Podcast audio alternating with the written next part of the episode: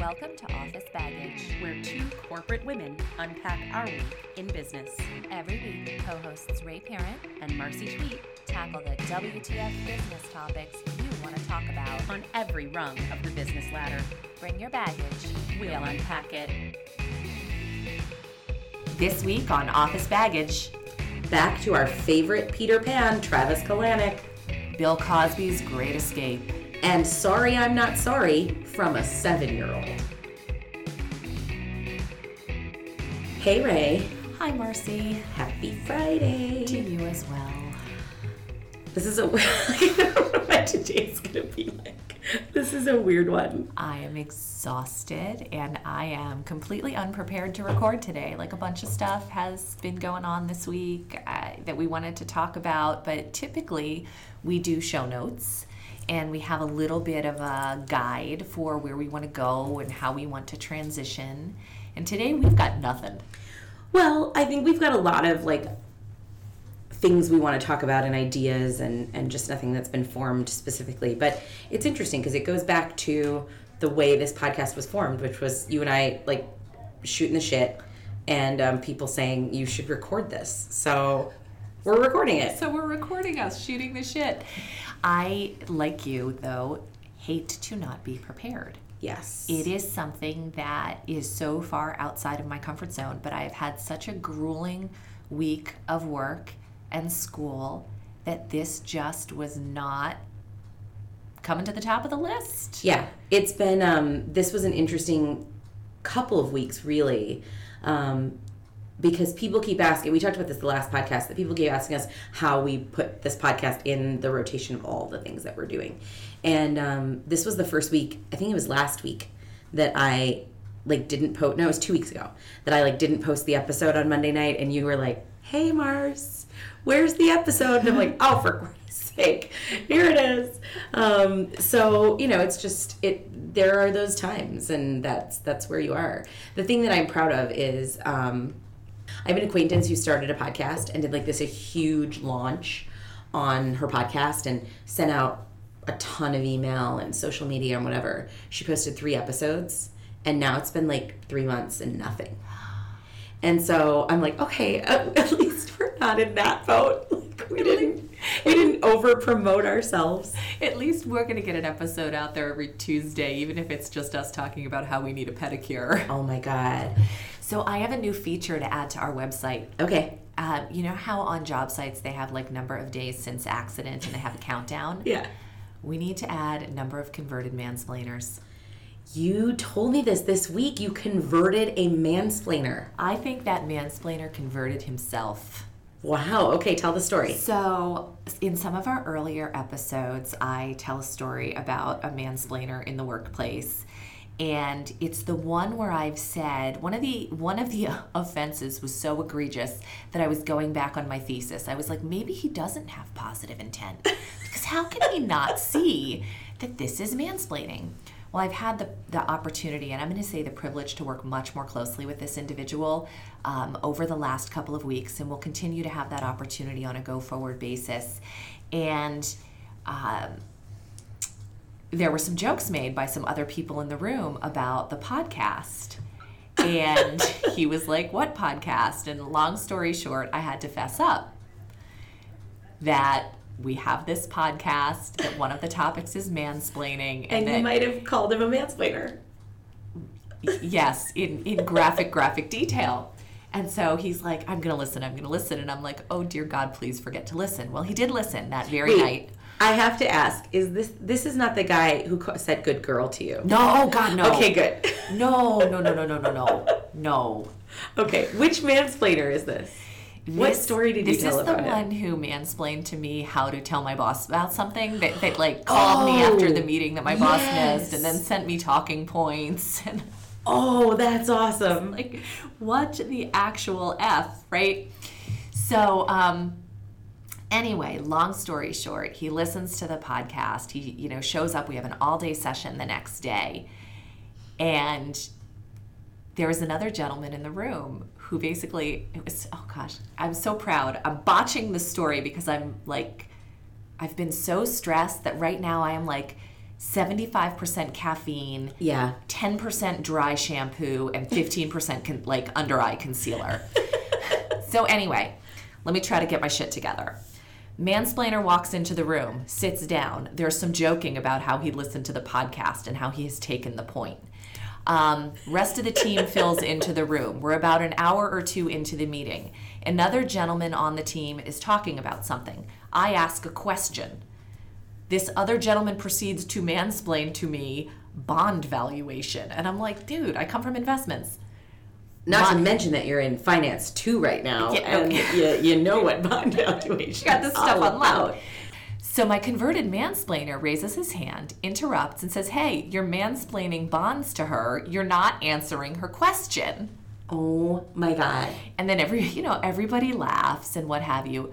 But yes, he's making a joke of it, but he's really noticing it. And that wasn't the only time in the meeting that a joke was made of mansplaining, either because it happened or it didn't happen, or that we kind of came back to this idea of you know let's let's just check where other people are coming from before we really explain and candidly in that meeting room in these sessions that i'm in with this gentleman I have a lot of catching up to do, so I do need a lot of mm-hmm. explaining. But I just am, I don't know the right way to articulate it. One, because I'm a disaster right now, and two, I don't know the right way to say it. But I'm like, what I want to say is I'm so proud of him for seeing it, but that sounds condescending. So I don't mean that. What I mean is like, mm-hmm. go you for reinforcing the thesis of, oh, I just didn't see it before. Now I see it.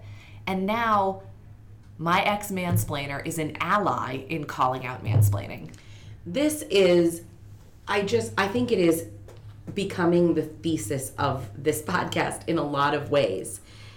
That you can't, there's the old phrase, you can't be what you can't see, but you can't fix something in anyone's life, and you can't be an ally for people of color or women or anyone in in the business world if you can't put yourselves in their shoes and do a little empathizing and understand. And by waking up some of these men in the mansplaining world to the way men sometimes demean and talk to women they are going to become allies and i really think that sort of they can now be champions because they see the issues that are happening with us every single day And again, back to why we're doing this. When these things are called out now in this room, this is the new leadership team that I have just the privilege of being part of. And it's done with laughter.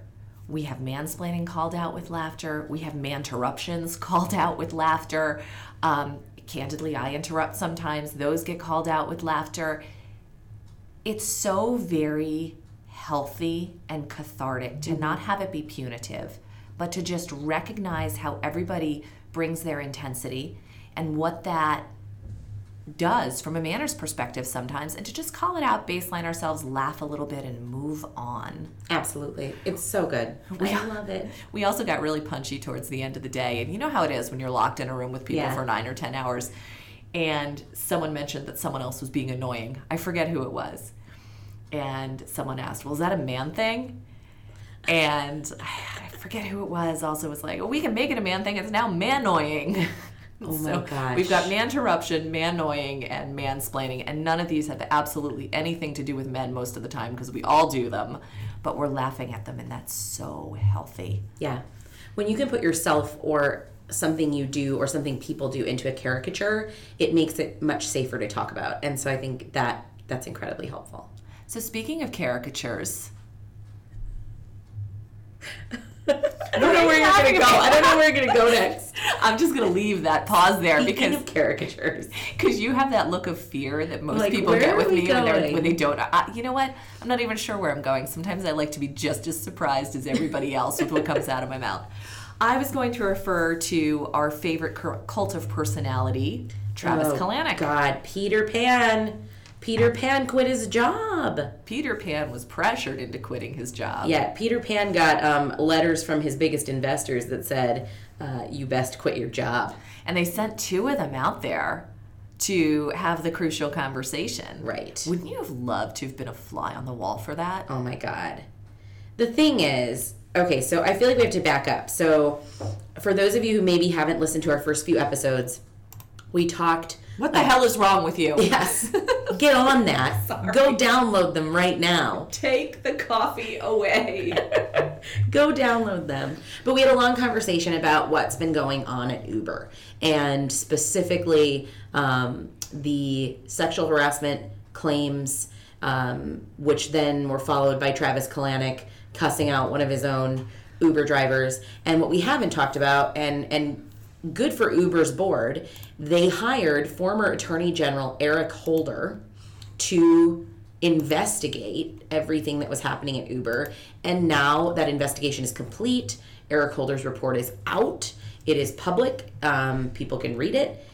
It and it's things are starting to happen. One of those things being that Travis Kalanick um, resigned and is no longer Uber CEO. You know what I read this morning? You know who they went after? First person they went after for Uber CEO? Uh, Sheryl Sandberg. Sheryl Sandberg.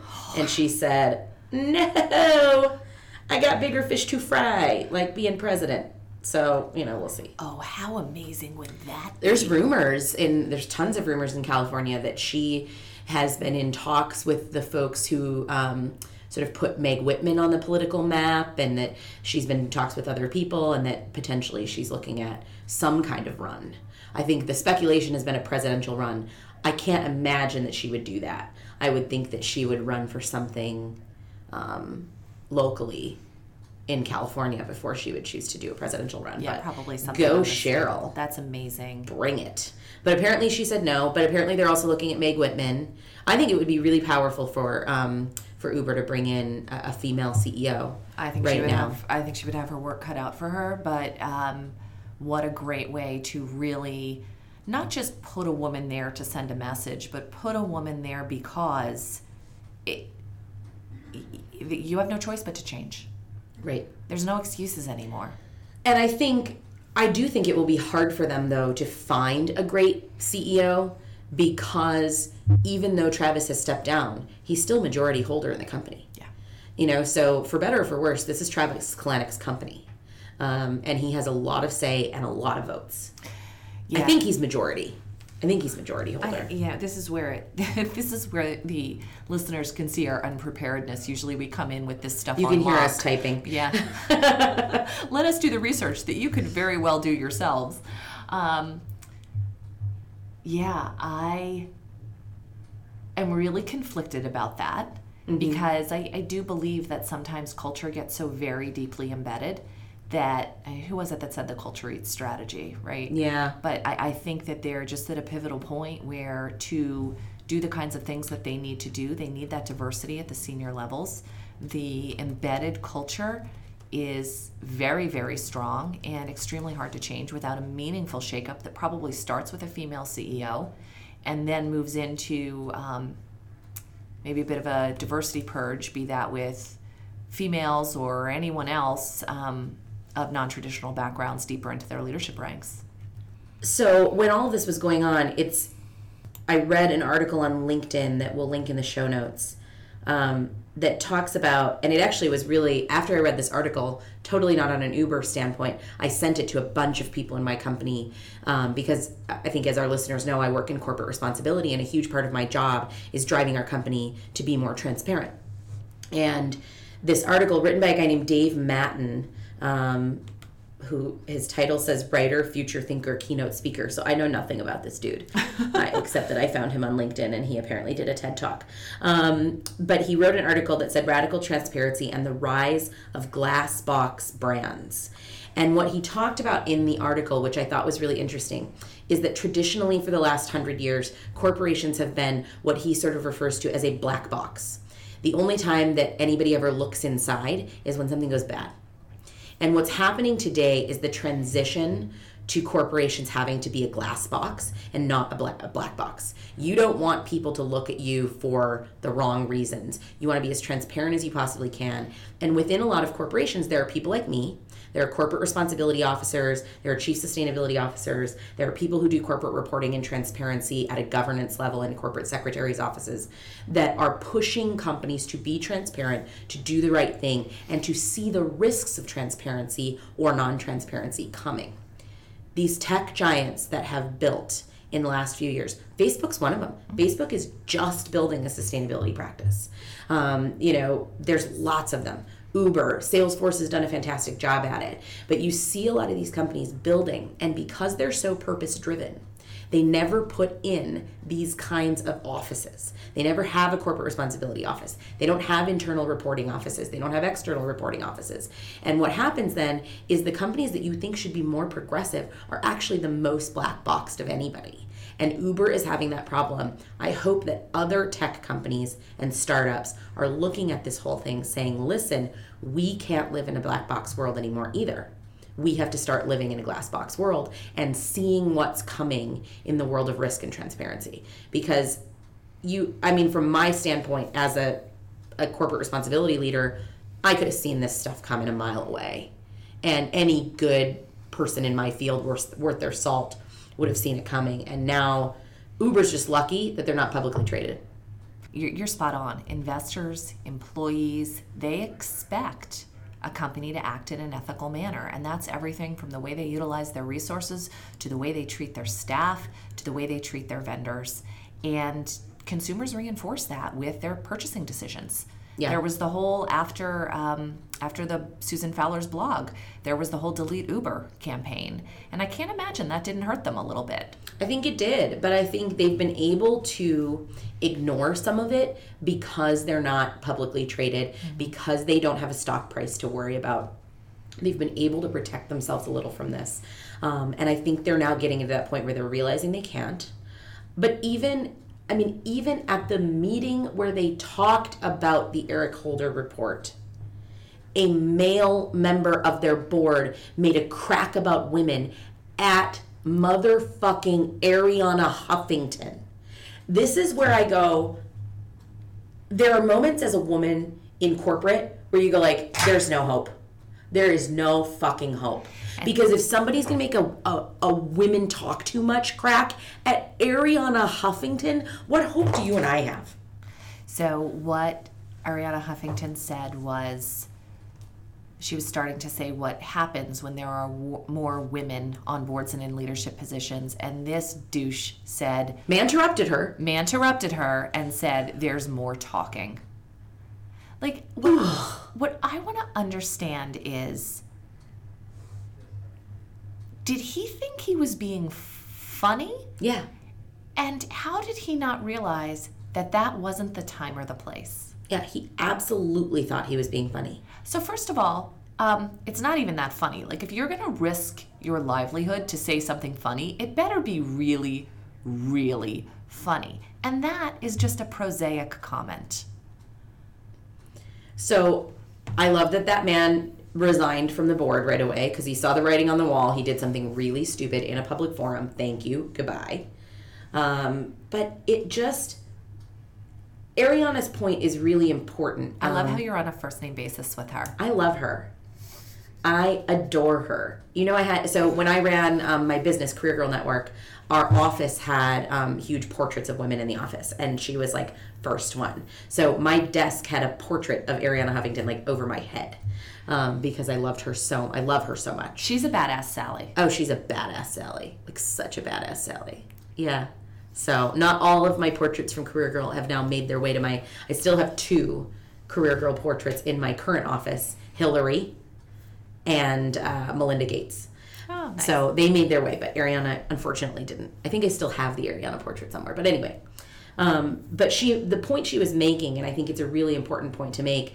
Um, and one of my favorite authors, Gail Evans, who wrote "Play Like a Man, Win Like a Woman," says this: one woman is token, two women are in cahoots, and three women are parody. And what Arianna was saying is things change the more women you put on your board. You have to get to parity though. You have to get above one, two, you have to get to three. And that's what Uber's board needs is parity of women on their board. And that was the point she was trying to make and didn't get to make because someone interrupted her. It's been an interesting week to watch this happen with them and what's, you know, what's going to come. I think it's something that we will keep following and keep watching because there's a lot that will need to happen with Uber to to be successful and to go forward and to not be a sort of one hit wonder in the in the corporate world. I back to the point on culture and what's been established there. There's a petition about a thousand employees who want to bring Mr. Kalanick back. Really, Loyal to him, he built the company. Uh, he got us to where we are today, and I love that. He got us where we are today. Okay, there's a lot of good. There's a lot of really incredibly impressive things about Uber, from the original idea to the execution in such a short period of time. They're amazing things.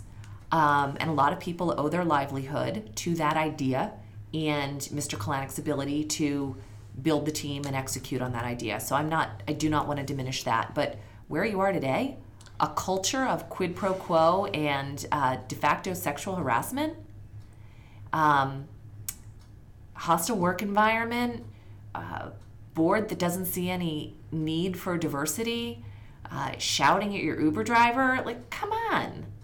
yeah, it's absolutely crazy. Um, I think the other thing I would say to those employees is look at someone like Steve Jobs. Look at Michael Dell. These are men who built a company, left as CEO because either they were ousted or they thought or realized that they needed a different skill set of leadership to lead the company at that time, and then ended up coming back in and having a resurgence in their company that that changed the game. So I still have hope for Travis. Travis is a young man. He's very Steve Jobs esque if you think about his rise and what he's built.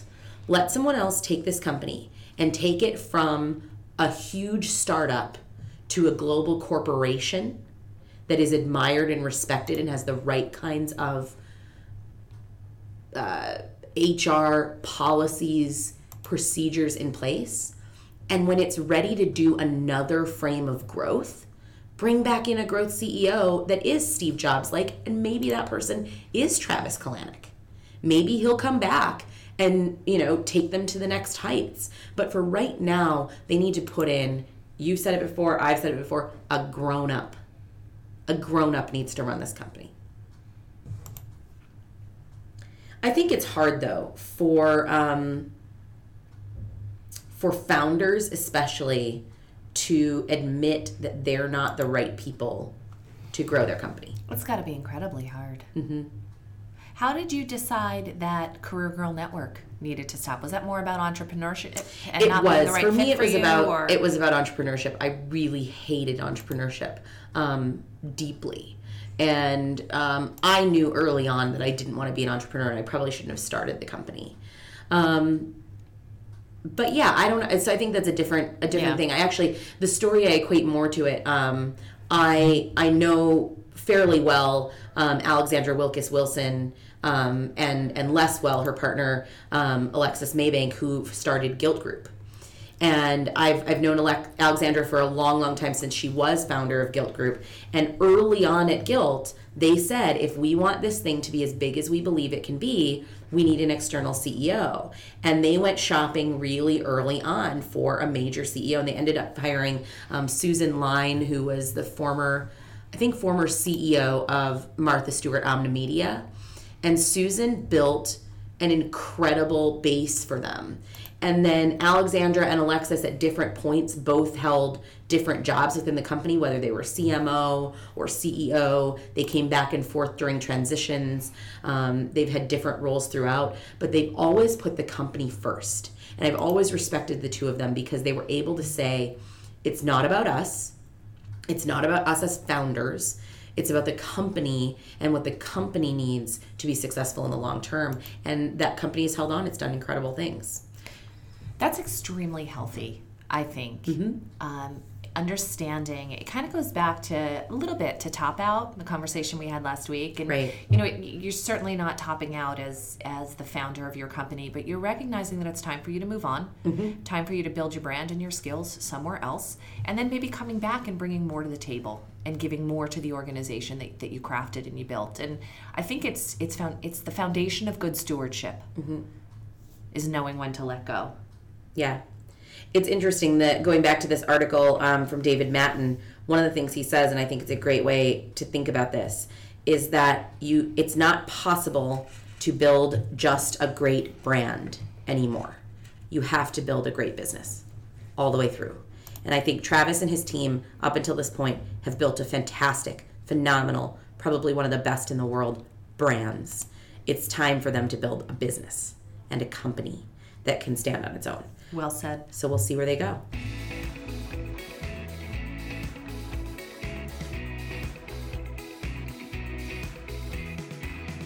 So let's switch gears and talk to talk about um I don't even know how to characterize this man. He just makes me sick to my stomach. Look at Jesus. I, we're just for the we do need to do a Facebook live We so that need to do a everybody can watch Live. us just looking at each other, shaking our heads, trying to get the words Bill fucking Cosby out of our mouth. How I I just don't even know I don't I don't have have the words, but I'm going to try to form them. So, you know, I think everybody knows um, Bill Cosby got off. Oh, that was a bad way to say. Oh my god. Jesus Christ. Oh Lord. Well, I think we knew that. no pun intended. Oh my god. Uh, if any of this podcast makes it to the air, it's going to be amazing. So, yes, Bill Cosby's trial was declared a mistrial. Let's try it that way. Um, you know what? Here's the thing, though, Marcy. Like every time I fuck up and say something, you leave it in because you are our I will leave master editor. You've got to leave that in. It's just hilarious. I will. Two jurors prevented the verdict, ten to ten to two. So, you know, it's not like it was a totally deadlocked six and six kind of thing. But I, I don't know if that makes anybody feel better. No, it doesn't. I mean, honest to God, what the hell did they see or hear that others didn't see or hear? Honestly, I mean, I, I, they saw or heard Cliff Hux, Cliff Huxtable. They, I think that there is still, no matter the egregious nature of someone's crimes, there are still people who are going to look at this man and see this wholesome, fatherly person that we saw on television in the 80s. And Well, the only case that was being tried and the only evidence that was able to be put forward was with regards to the 2004 incident with Andrea Constand. Mm-hmm. And her allegation was that he drugged and molested her. And she describes it in, in horrible graphic detail. Um, but Mr. Cosby's perspective is that it was consensual. And so it's classic he said, she said, and that is the only thing that can be brought into evidence.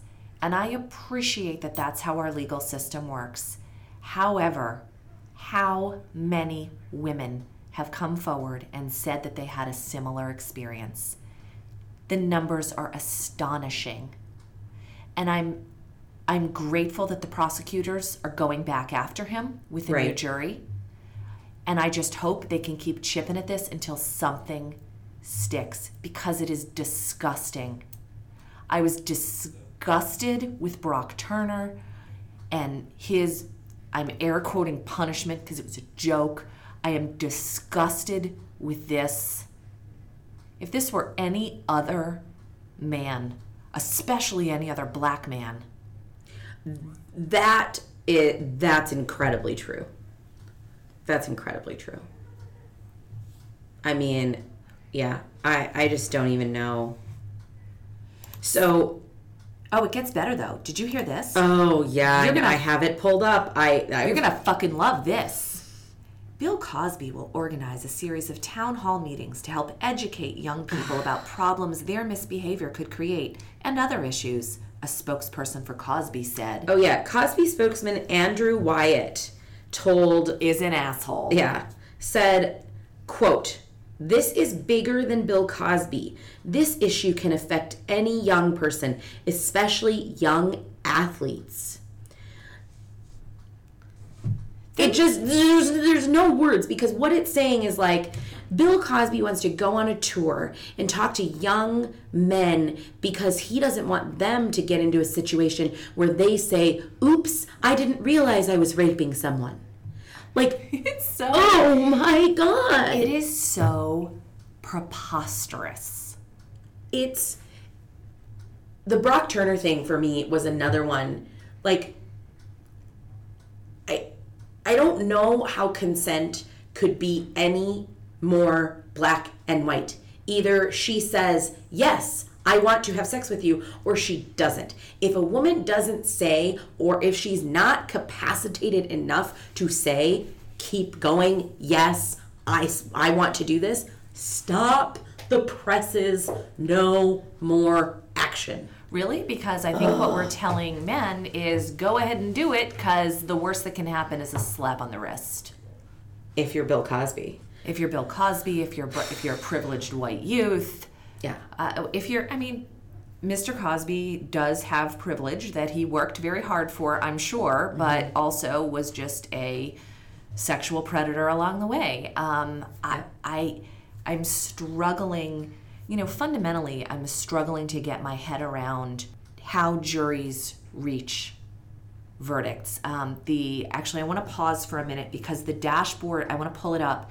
The dashboard cam. I'm gonna get emotional.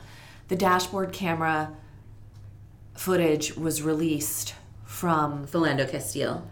yes, and I don't understand. I don't understand. No. How do you not convict? It's I did you see Yeah. the cop car footage Yeah. of Diamond and her daughter in the back of the police car Mm-hmm. where her daughter her, who must be two or three Yeah. is saying mommy stop struggling against your handcuffs i don't want them to shoot you mom i don't want the world to be like this yeah. she saw her mother's boyfriend shot Yeah. as he was complying. Diamond, whose last name I'm blanking on, or I would call her Ms. Yeah. Um, like I like I typically do. So I apologize for the disrespect. Um, Reynolds. Diamond Reynolds, Ms. Reynolds, is the still calling the cop sir. The cop that just shot her boyfriend, who was complying with the law, who has now been acquitted. She is hogtied in the back of a police car with a child, and she is still calling him sir. I mean, it just it it shocks me to to my core. There are things to me that are just so black and white, and situations that look so black and white. But for that jury in Minnesota, it wasn't for some reason. I don't know why. Um, I just don't know why. The thing that bothers me about that, this is going to get a little political, but I'll do it anyway. Why is the NRA not all fucking over this? Because Philando Castile was a licensed conceal and carry, had licensed conceal and carry. The NRA should be as mad about this as anybody because they say they fight for the rights of licensed legal gun ownership. Well, here was a licensed legal gun owner who was shot seven times, right? Seven times. I think it was four. Okay. Shot at however many times. At close range, At close range. Yeah. saying, and it's right on the footage, saying, I want you to know, officer, I do have a weapon. The officer says, Don't reach for it. He says, I am not reaching for it. And then he puts four bullets into this man in front of his girlfriend and their child. I don't know if it's their child, a child. I know it's definitely It's her child. I think I don't, I don't think it was his child, but does ne- neither here nor there. A child. Why is the NRA not over it? All over it? Um, I think we both know. Yeah. I mean, it's just sad. And uh, not to get, I, I don't want to like get super, super deep into Philando Castile, even though I think everyone should say his name. Um, my in laws live a mile from where this happened. My in laws live in one of the most affluent neighborhoods in Minneapolis, St. Paul. Where this happened was not, not that it makes any difference, right? But this was not a neighborhood where drug running is is common, where crime is common. You know, this man was pulled over on, frankly, a suburban street. And not that it would make any difference if it were downtown Minneapolis or wherever, but it just, to me, this one was black and white. This one was absolutely black and white, easy, open, shut, make the case, and I, I just don't get it. I just don't get it. Uh, Trevor Noah did a piece on this. Um, on I haven't Daily been able to watch it yet. I keep I keep seeing it. It's it's really hard, but but basically what he says is, and he has a great point. There was a real push for body cams and dashboard cams because everybody thought that this kind of violence would stop when it was recorded. This is all recorded. It didn't stop. Yeah. And there's no punishment. Yeah. And again, it's one of those moments. Typically, you and I have them work related, but is there any hope? Right. It feels, it just, you know, we need to go back and have another white privilege discussion on some of this because there's just so much double standard that happens in the in the African American community and, and just communities of people of color in general. And this is one as well. There was a, a, a journalist recently who did a, a piece called Driving While Black. Um, I think she, I don't know if she was white or Hispanic, but uh, uh, you know, woman, young woman, drove around with a bunch of, of African American people and they explained to her how they felt driving every time you get in a car, every single time, you know? And uh, it just, it's things that you can't wrap your head, that I can't wrap my head around. And it's, it sucks. It sucks. And this Bill Cosby thing sucks. Sucks.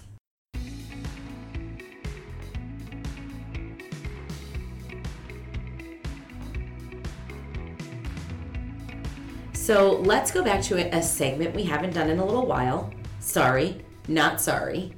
You have a great sorry, not sorry this week. I started off by texting a few people with this story with I'm proud, is that wrong? and everybody came back to a person and was like, no, that's awesome. You should totally be proud. So I've talked about my children a little bit on this podcast. My daughter is uh, an exceptional little human being. There's a non zero probability that she causes my early yet somehow painfully slow death, but she is just a strong, smart kid. And when I say strong, I mean emotionally, but also physically. The kid is a machine. She is. She's a, an amazing gymnast, and I have seen videos of her lifting herself up by her arms upside down, and I mean, she's amazing. She literally, for fun, will hang from the swing set and do those leg lifts where you just pike your legs up until your toes are like over your head. She can do like 50 of them. And the other day, she's like, Mom, try this. And I'm like, uh, honey, normal people can't do that. so, anyway, my daughter is a machine. She is strong. She is smart. She gives zero fucks at seven years old already. And so they are at a party the other day. It was an end of school party. I was not present for it. Chris had the kids there. And there were a lot of kids at this party. Outdoor, slip and slide, bounce house, chaos. The parents were all kind of sitting around and drinking. My husband doesn't drink, so he was actually parenting. Um, and he noticed that there was a little boy, approximately seven years old, who kept like running up to Maya and punching her, hitting her, um, and then running away. And she was taking it and kind of laughing. And Chris and I don't intervene unless we can tell our kids are in distress because she needs to learn how to handle that. She needs to learn how to advocate for herself. Sure. So he observes her saying to him after a few minutes of this, I'm done, please stop. He keeps doing it. She proceeds to kick him in the stomach. He doubles over, holds his stomach, um, then walks over to my husband and says, You know, Maya kicked me in the stomach. And so my husband proceeds to say to this little boy, "Well, you know, you were you were hitting her and I saw her tell you to stop. You didn't stop." And the little boy says, "She started it." And my husband says, "Well, Maya finished it too." so I was extremely proud of my husband who's texting me this as it's happening. Oh my God. Because we've talked about how Chris has Jesus. So sometimes he's all like, "Oh, turn the other cheek." Yeah. Not when it comes to his little girl. Um, and so they come home And Maya, Mommy, I missed you. I was home taking one of my final exams. Jumps into my arms. She's cuddling. She's telling me about the party. I look at her. I go, Maya, help me understand what happened with this other little boy. Why did you kick him in the stomach? She looks at me with her pigtails and her big brown eyes. And she says, Well, I was aiming for his nuts, but I missed. Like, Oh my God. I love that child. classic, like, sorry, not sorry moment right then and there. Then afterwards, I get a text from this boy's mother. Like, I, I just wanted you to know that Maya and my son got into it a little bit at this party. And my response was, yeah, sorry, not sorry. Yeah. He, she might have started it, but she finished it. Was she apologizing for the, her son or was she looking for you to apologize? I'm not think? sure what she was looking for because it was over text, but I made it very, very clear. Like, look at it, and my husband and one of our um, parent friends was talking about it afterwards. Like, you don't pick on Maya. You just don't. I mean, look at the kid. She's a machine. If you're picking sports teams, she's first. And if you're picking who to pick on, she's last. Yeah. She will end it. The kid has a track record. Wow. And God forbid anybody goes near her brother. Oh, that's sweet. Yeah. So sorry, not sorry. My girl kicked your son's ass.